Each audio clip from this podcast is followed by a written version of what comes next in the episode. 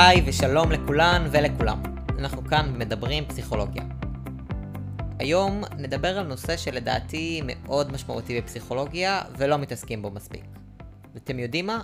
נושא שאפילו לא רק רלוונטי לפסיכולוגיה, אלא ממש לכל מה שקשור לחיים שלנו. למערכות יחסים עם ילדים, עם חברים, בעבודה, מה שתרצו.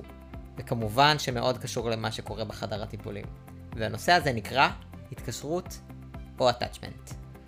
ולא, זה לא בדיוק דומה לחוזה התקשרות, תקשור, משהו שקשור לעולם הטלפוניה או לעולם הבא. ממש לא. זה משהו אחר. התקשרות בעיניי זה אחד מהנושאים האלה שגורמים לך להגיד, וואו, זה אני, איך הם ידעו את זה? או שגורם לך להגיד, איזה כיף שלמדתי פסיכולוגיה? אז למה שאני ועוד אלפי סטודנטים בארץ נשמור את זה רק לעצמנו? ממש לא. אז מה מחכה לנו? בחלק הראשון נדבר על מה זאת התיאוריה הזאתי, איך זה נראה בילדות ועל המצב הזר. בחלק השני נבין איך הדבר הזה נראה שאנחנו גדולים יותר. בחלק השלישי נעשה מיני אבחון עצמי, ובסוף, רק כי אנחנו כבר יודעים, נדבר על שתי הפרעות נפשיות שקשורות להתקשרות. אבל, לפני שנתחיל, חשוב לי להגיד שפסיכולוגיה זה מדע, אבל זה לא מדע מדויק על המילימטר. לכן, אם אני מדבר על משהו שמתחבר לחוויה האישית שלך או שלך, זה לא אומר, אה, הנה, זה אני, עכשיו אני XYZ. זה לא. אין אחד או אפס. הדברים, ובעיקר בפסיכולוגיה, תמיד יותר מורכבים מאיך שאנחנו אוהבים לפשט אותם. אז יאללה, מתחילים.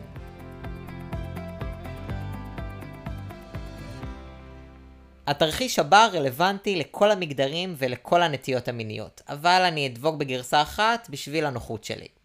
תדמיינו את עצמכם, שעת לילה מאוחרת, כבר יוצאות עם מישהו כחודשיים. סך הכל fun כל הזמן.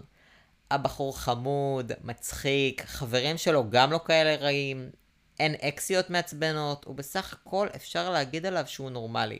וכבר כמה זמן שהקיופיד והטינדר לא פעילים. שלמות ברוטב תות, מה אני יכול להגיד? היום הייתם בבר באזור, אתם חוזרים הביתה והוא אומר לך, בואי נהיה זוג, מה את אומרת? אז מה את אומרת? אז את יכולה להגיד, בטח חיים שלי, למה לא? סך הכל טוב לנו, אז בוא נראה לאן זה מתפתח. את יכולה להגיד גם, וואו וואו, לאט לאט, מאמי, קצת מהר מדי, לא? אולי כדאי שנהיה קצת את הקצב. אופציה נוספת היא, כפרה עליך, מאיפה אתה בא אליי? פגשת את המשפחה שלי, מלא בגדים שלי אצלך, אנחנו כבר ביחד מזמן, לא? או את האופציה האחרונה שנראה לי ש... לא יודעת, אנחנו בטוב? לא יודעת מה להגיד. אז הדרך שבה אתם תגיבו יכולה מאוד להיות תלויה בסגנון ההתקשרות שלכם. אז מה זה בכלל? מי שהמציא את התיאוריה הזאת היה רופא בריטי אי שם במאה ה-20 בחור טוב בשם ג'ון בולבי, שהוא למד אצל אחת הממשיכות הבולטות של פרויד, מלאני קליין, אבל אנחנו נגיע למקסימה הזאת מתישהו. את התיאוריה הזאת הוא המשיך לגבש עם שותפתו האמריקאית מרי איינסוורת'. מה התיאוריה הזאת אומרת? אז שילד נולד יש לו נטייה ליצור קשר רגשי ומתמשך עם דמות ההתקשרות. לטענת בולבי זאת נטייה אבולוציונית, ממש כמו התופעה של הטבעה, coining. כשהברווז בוקע מביצה הוא מיד הולך אחרי אמא שלו. אז גם ככה אנחנו. לא בוקעים מביצה, אבל כן הולכים אחרי אימא שלנו. אז כשאנחנו נולדים יש לנו נטייה ליצור קשר רגשי, משמעותי ומתמשך עם דמות ההתקשרות שלנו, כי בסופו של דבר כשאנחנו נולדים אנחנו לא יכולים לעשות כלום, נכון? אז מישהו צריך לשמור עלינו. בולבי אומר שהתקשרות היא מערכת. מערכת ההתקשרות שיש בתוכה הרבה התנהגויות שהמטרה שלה היא לשמר את הקרבה הפיזית אל הדמות שמגנה עלינו. וככה בעצם לשרוד. יש למערכת הזאת כמה שלבים. בהתחלה זאת התנהגות תינוקית, כמו יניקה, מציצה, ואז מתפתחים מודלים שקשורים לאיך התינוק תופס את עצמו, את המטפלים שלו ואת הקשר שלו איתם. ועכשיו מגיעה נקודה חשובה. המודלים האלה קובעים במידה רבה את הציפיות שלנו מאותן מערכות יחסים עתידיות. אם ילד לומד שרק כשהוא בוכה, רק אז נענים לצרכים שלו, אז הוא לומד שככה קשר מתבסס, בצרחות ובבכי. לעומת זאת, אם ילדה רוצה משהו, ואימא שלה תמיד תמיד תמיד יודעת מה היא צריכה, ואיך לפנות אליה, ואיך לעזור לה, אז היא יודעת שהבסיס של מערכות יחסים עתידיות, זה שאנשים ידעו מה היא רוצה. אז באמת יכול להיות שאמירה סופר צ'יזית של פסיכולוגים, תספר לי על הקשר עם אימא שלך, מגיעה משם. החוקרים טוענים שדמויות ההתקשרות עושות בשבילנו שני דברים. הדבר הראשון זה סיפוק בסיס בטוח, ממנו התינוק יכול לצאת לעולם, לחקור את הסביבה, והוא יודע שהוא יכול לחזור אליה תמיד. אם יש לי ביטחון בבסיס שלי, אני תמיד תמיד תמיד אוכל לחפש, להסתכל ולחקור, ואני יודע שיש לי בית לחזור אליו. הדבר השני זה מקום מקלט. המקום מקלט הזה לא סתם מקלט. במצב של חרדה הוא משמש בשבילי מקלט. מקום שאפשר לברוח אליו אוטומטית. בסיס, מקלט, זה שני דברים שונים. ועכשיו אני אשאל אתכם, שאלה למחשבה. אם עכשיו קורה לך או לך משהו נורא, למי תתקשרו? למי תשלחו הקלטה בוואטסאפ? התשובה במידה רבה יכולה להעיד מי זו דמות ההתקשרות שלכם. מתוך כל הדבר הזה, החוקרים חשבו על שיטת מבדק שנקראת המצב הזר, עליה נדבר ממש עוד מעט. אז החלוקה היא משהו כזה. אז בשלב הראשון מגיל 0 עד חצי שנה, בשלב הזה הילד לומד להגיב לפרצופים לדמות המטפלת, ומתחילה להיווצר סוג של מערכת עבודה. איך עובדים, איך להתנהל בקשר. בשלב השני בגיל חצי שנה עד גיל שלוש שנים, המערכת המוטורית כבר מפותחת יותר, והילד רוצה להיות קרוב לאימא, על מנת להשתמש בה כבסיס בטוח, שדרכו אפשר לגלות את העולם. אם אני יכול ללכת, אני יכול גם לחזור, נכון? אז אה, נגיד כל התינוקות האלה שמסתובבים בג'ימבורי, אבל מדי פעם כזה מסתכלים איפה אבא יושב, איפה אמא יושבת, מסתובבים וחוקרים, אבל גם מסתכלים. בשלב השלישי, בגיל שלוש שנים והלאה, בשלב הזה המערכת מפותחת במלואה. הילד לומד להכיר בזה שההורים הם אנשים נפרדים, והוא מנסה לשנות את הדרכים בהם מערכות היחסים יכולות להיות. בשלב הזה כבר יש יותר כללים, והכללים האלה קובעים במידה רבה איך היחסים נשמרים, אבל גם איך הם יכולים להתקלקל. בגלל ההתפתחות של המערכת בזמנים האלו, זה הזמן הכי טוב לזהות את סגנון ההתקשרות. וכדי לעשות את זה, החוקרים פיתחו מבחן שנקרא המצב הזר. זה מבחן די מוזר. בכללי יש לי המון מה להגיד על המבחנים בפסיכולוגיה, אבל... Uh, next time. אז במבחן הזה לוקחים אימא וילד, ובהתחלה האימא משחקת עם הילד, הכל כיף וטוב, אבל אז האימא צריכה לצאת החוצה. מה שמעניין אותנו זה מה קורה שהאימא הולכת, ומה קורה שהאימא חוזרת. אז בפרק הקודם דיברנו על נטייה של בני אדם לסווג דברים, נכון? כי זה חסכוני יותר, נכון? מזכיר משהו? אז גם כאן זה בדיוק אותו דבר. ניתוח של ההתנהגות העלה מספר סגנונות התקשרות בסיסיים. אז הסגנון הראשון זה סגנון בטוח, שילדים כאלה עלולים לחוש מצוקה בעת הפרידה. פרידה בסופו של דבר זה לא משהו נעים, נכון? ושדמות ההתקשרות חוזרת, הם שמחים להיות איתה, מסתכלים עליה, ויכולים לחזור במהרה לחקור את החדר. וזה מאפיין כ-70% מהאוכלוסייה. הסגנון הבא זה אמביוולנטי או חרד. למשל, ילדה שחשה מצוקה רבה בעת הפרידה, אבל היא ממשיכה לחוש את אותה מצוקה גם כאשר דמות ההתקשרות חוזרת ומנסה להרגיע אותה. הסגנון השלישי שלנו הוא הנמנע. זה ילד שלא קריטי לו אם דמות ההתקשרות נמצאת או לא, והוא לא ממש מתרגש שהיא חוזרת. והסגנון האחרון זה סגנון הלא מאורגן. זה ילדים שההתנהגות שלהם לא כל כך ברורה. היא לא מאורגנת. יכולה להיות התקרבות, יכולה להיות התרחקות, וגם אפילו אלימות כלפי דמות ההתקשרות. אז זה נשמע שאפשר לדפוק את הילד ממש בקלות, לא? לא, לא, לא בדיוק. חשוב להגיד שאיכות התפקוד של המערכת קשור בתקינות שלה, וגם בזמינות של דמות ההתקשרות בעת הצורך. אם הדמות מאוד רגישה, והיא מבינה אותי טוב, וקוראת את כל הסיגנלים של הקרבה, ויש לה יכולת מאוד טובה להרגיע אותי, אז יכולה להיווצר התקשרות בטוחה וטובה. כשאינטראקציה היא טובה, אז יכולה להתפתח אופטימיות, יכולת לסמוך על הזולת, להאמין בטוב שלו, ולתפוס את עצמי כטוב ומסוגל. אבל אנחנו אוהבים להסתכל רק על מה שרע, נכון? אז כשזה רע, ההורה לא זמין, או שהוא לא מגיב לצורך ההתקשרות והקרבה של הילד, ושכן קרובים, זה לא באמת עוזר לילד להרגיש יותר טוב. עכשיו, הדברים הרבה יותר מורכבים, נכון? אז תיאוריה בין מתחרה לבין משלימה זה תיאוריית המזג, הטמפרמנט. סוג של מולד אל מול נלמד, שטמפרמנט זה מולד. אז רבים מאמינים שהטמפרמנט זה יכול להשפיע רגע גם האמא נמצאת עכשיו בחופשה בגואטמלה, או שהיא מעליו כמו מסוק. זה לא משנה, זה תלוי בטמפרמנט. אז הורים, בואו נוריד את האשמה ואת הלחץ. אבל כן מקובל להגיד שיש אינטראקציה, סוג של מערכת יחסים. בין ההתקשרות לבין המזג, והם משפיעים על ההתנהגות. אם יהיה לי ילד חמוד, חייכן ומתוק, ברור שאני ארצה להיות קרוב אליו, שזה מחזק את ההתקשרות. אבל, אם יש לי ילדה צעקנית ומאתגרת במיוחד, לא בטוח שיתעוררו אצלי את אותן התחושות. מה שבסוף מרחיק את ההתקשרות.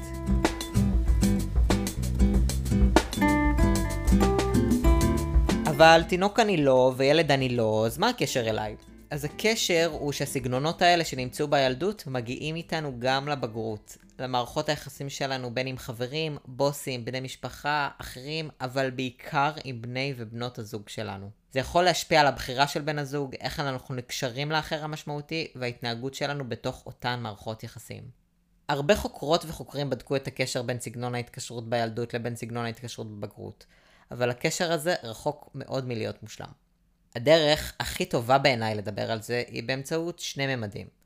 ממד החרדה וממד של הימנעות.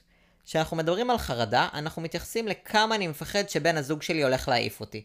ולכן, אנשים עם רמת חרדה גבוהה ירצו קשר צמוד צמוד עם בני הזוג ואינטימיות מוגברת בגלל אותו הפחד מהנטישה. יכול להיות שלחלקכם זה נשמע דווקא סבבה. וזה באמת יכול להיות סבבה. כל עוד יש התאמה ברצונות של בני הזוג. אם בן זוג אחד רוצה חזק חזק, צמוד צמוד, ובן הזוג השני נרתע, כאן כבר מתעוררת לנו בעיה. אלו עם התקשרות החרדה מרגישים המון לחץ בגלל האפשרות הזאת שיעזבו אותם. וכתוצאה מכך, קשה להם לסמוך על דמות ההתקשרות. הם מרגישים לא בטוחים שהם לא בקרבה צמודה איתה, ויכולים לחשוב לא מעט על מה יכול להשתבש, אם לא על הדברים שכבר השתבשו.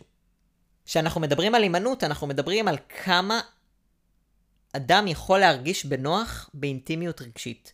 מחקרים הראו שאנשים עם רמות הימנעות גבוהה נוטים להיות מושקעים פחות בתוך מערכות יחסים, ורוצים להיות עצמאים יותר מבחינה רגשית ומבחינה פסיכולוגית מבני או בנות הזוג שלהם.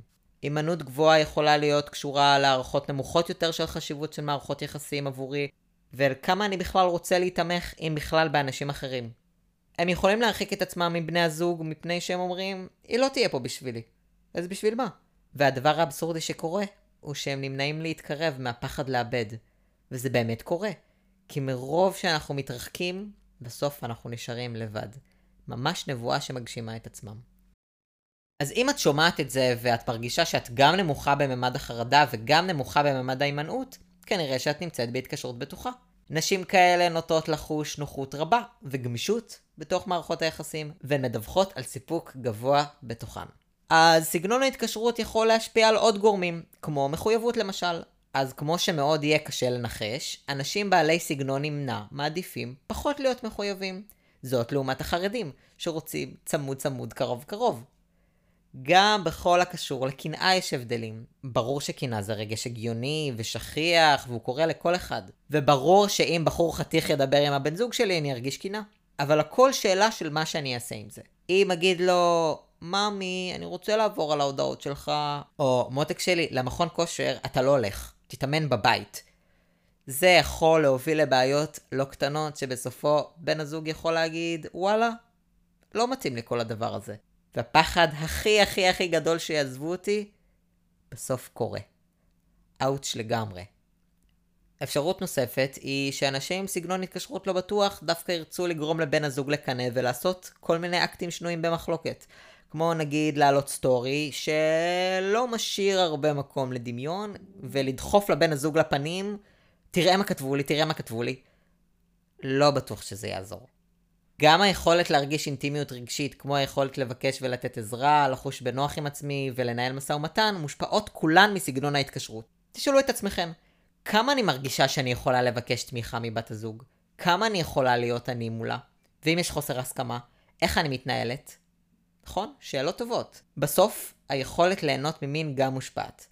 כך שהתקשרות בטוחה מביאה לסיפוק טוב יותר מחיי המין, ויכולת גם לדבר בפתיחות על מין.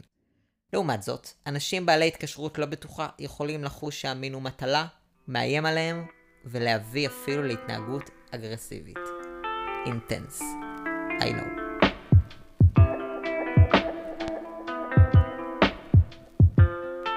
אז לפני שנאבחן את עצמנו, ולא סתם אני שם את זה במרכאות, כי כמו שאמרתי מקודם, רובנו נמצאים בהתקשרות בטוחה, 70%, זה לא מעט. אבל לא כולנו.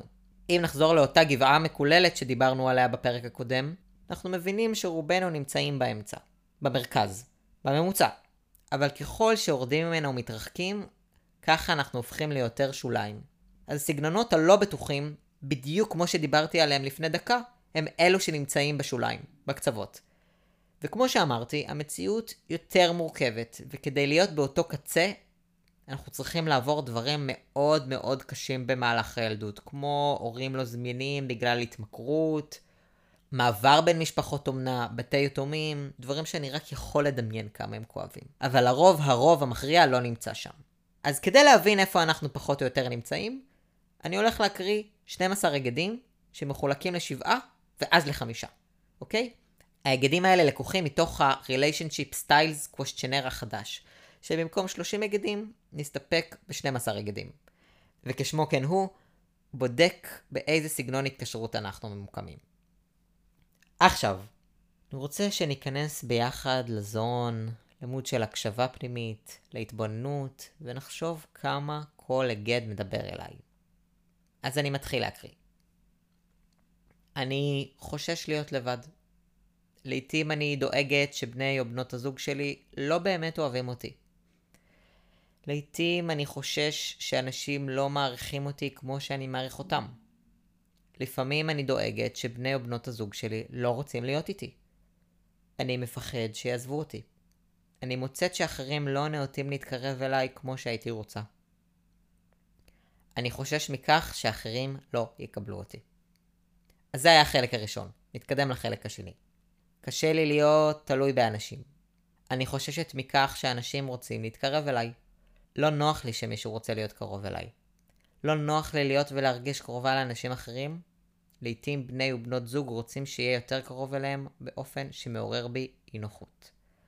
אז היינו רפלקטים ורפלקטיביות? יופי.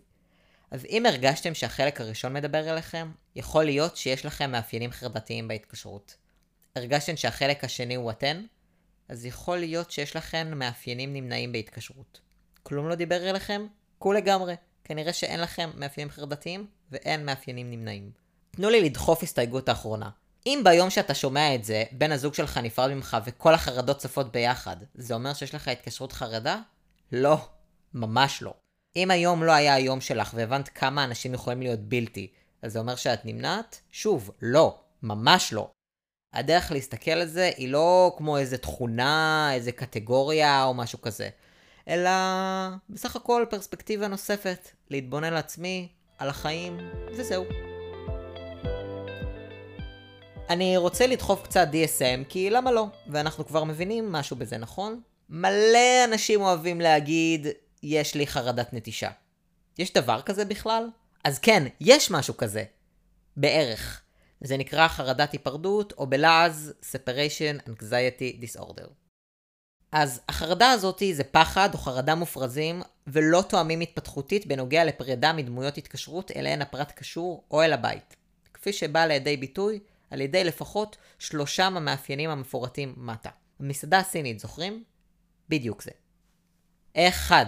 מצוקה מופרזת חוזרת ונשנית כאשר מצפים ומתנסים בפרידה מהבית או מדמויות התקשרות משמעותיות.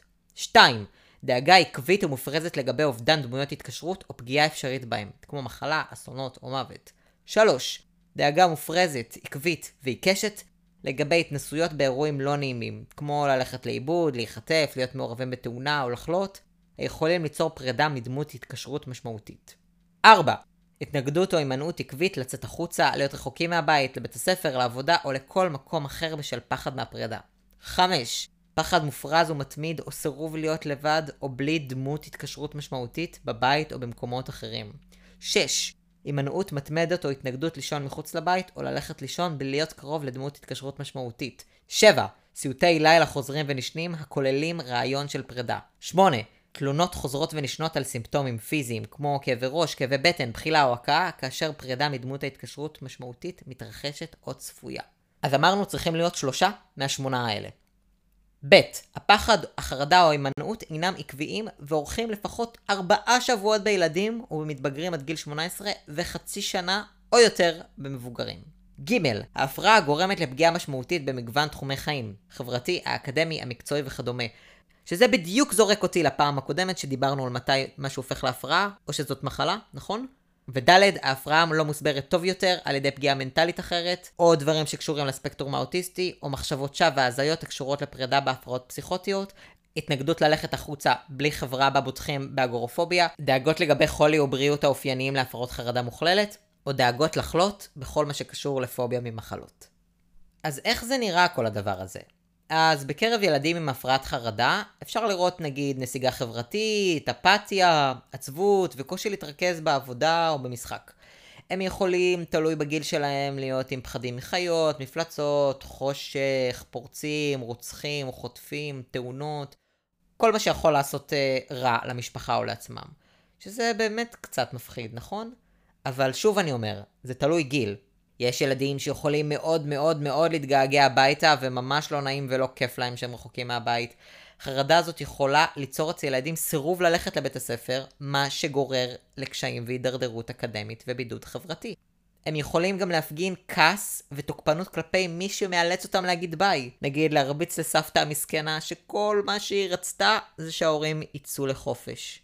ילדים כאלה נתפסים כתובעניים, מפריעים ובצורך מתמיד של תשומת לב. הם תלותיים וזקוקים להגנת יתר, זה יכול להכביד על המשפחה ולהוביל להתנגדות וקונפליקט בתוכה. קיצר, תענוג. אז מה השכיחות אתם שואלים? ואני עונה. אצל מבוגרים סביבות 0.9% עד 1.9%, אצל ילדים סביבות 4%. אם אנחנו מסתכלים בקליניקה אז אין כל כך הבדל בין בנים לבנות, אבל בקהילה זה יותר נפוץ אצל נשים. אבל בכל זאת אנחנו מתעסקים בהתקשרות, ואכן קיימת הפרעת התקשרות פר אקסלנס. זאת נקראת הפרעת התקשרות תגובתית, ריאקטיבית, Reactive Attachment Disorder. וכשאתם עכשיו הולכים להקשיב לי, אני רוצה שתחזיקו את כל מה שדיברנו בראש. א', דפוס חוזר של התכנסות או הימנעות רגשית כלפי הדמויות המטפלות העיקריות הבא לידי ביטוי בשניים הבאים. הילד לעיתים רחוקות או נדירות מחפש נחמה או הרגעה מהדמויות המטפלות כאשר נמצא במצב מצוקה. 2. הילד לעיתים רחוקות או נדירות מגיב לנחמה או הרגעה כאשר במצוקה, שזה מאוד מאוד מזכיר את הסגנון הנמנע והחרד. ב.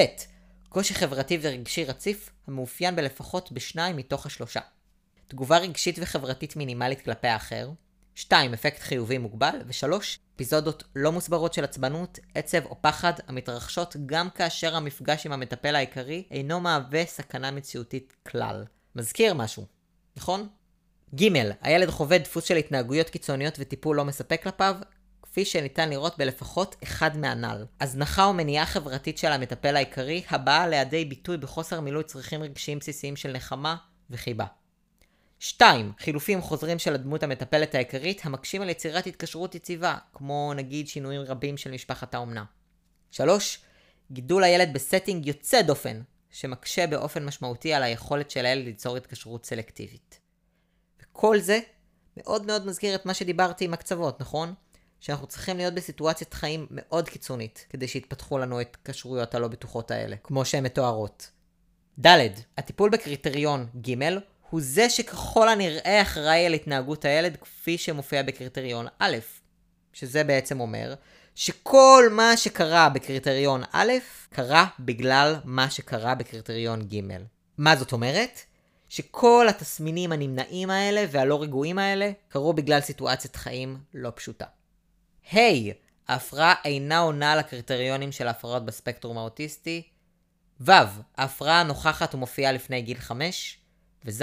לילד יש גיל התפתחותי של לפחות 9 חודשים. למה זה משמעותי?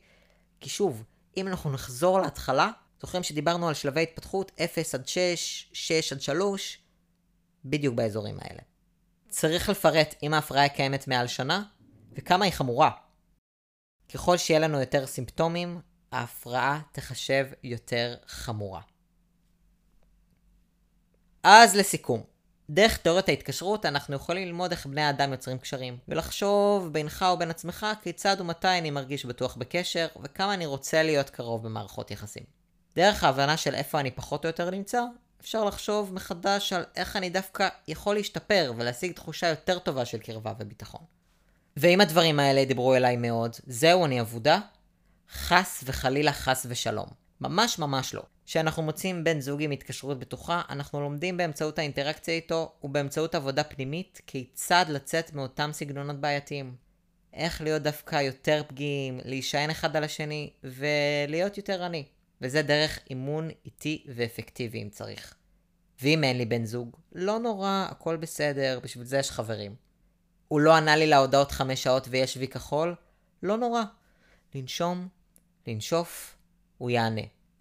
אולי הוא עסוק. אם אני אתקשר אליה, אין מצב שהיא תעזור לי. למה? למה לחשוב את זה? אולי כן שווה לנסות. לאט ובטוח. וכמובן, כמובן, עבודה במסגרת טיפול. אם אני לא זה שירים למטפלים, אז מי כן? פסיכולוג או דמות טיפולית אחרת יכול להוות דמות יציבה ומכילה, שיכולה לסייע לעבוד על אותם סגנונות התקשרות לא בטוחים, ולבסוף להביא להתקשרות בטוחה עם אנשים אחרים שנמצאים בתוך החיים שלנו. אז מה אנחנו לומדים? אני חושב שהדבר הכי חשוב זה שדרך התיאוריה אנחנו יכולים ללמוד קצת על עצמנו ועל איך אנחנו מתנהגים עם האנשים הקרובים אלינו ויוצרים קשרים חדשים. הדבר הזה מתפתח עוד בתחילת החיים ונמשך לאורכם. הסגנונות השונים אולי נשמעים מורכבים, אבל חשוב לזכור שרובנו לא שם. אולי אני גם קצת נמנע וגם הרבה חרד, אבל הדברים גמישים ועם העבודה תמיד יכולים להשתנות. תודה רבה על ההאזנה, ונתראה בפעם הבאה.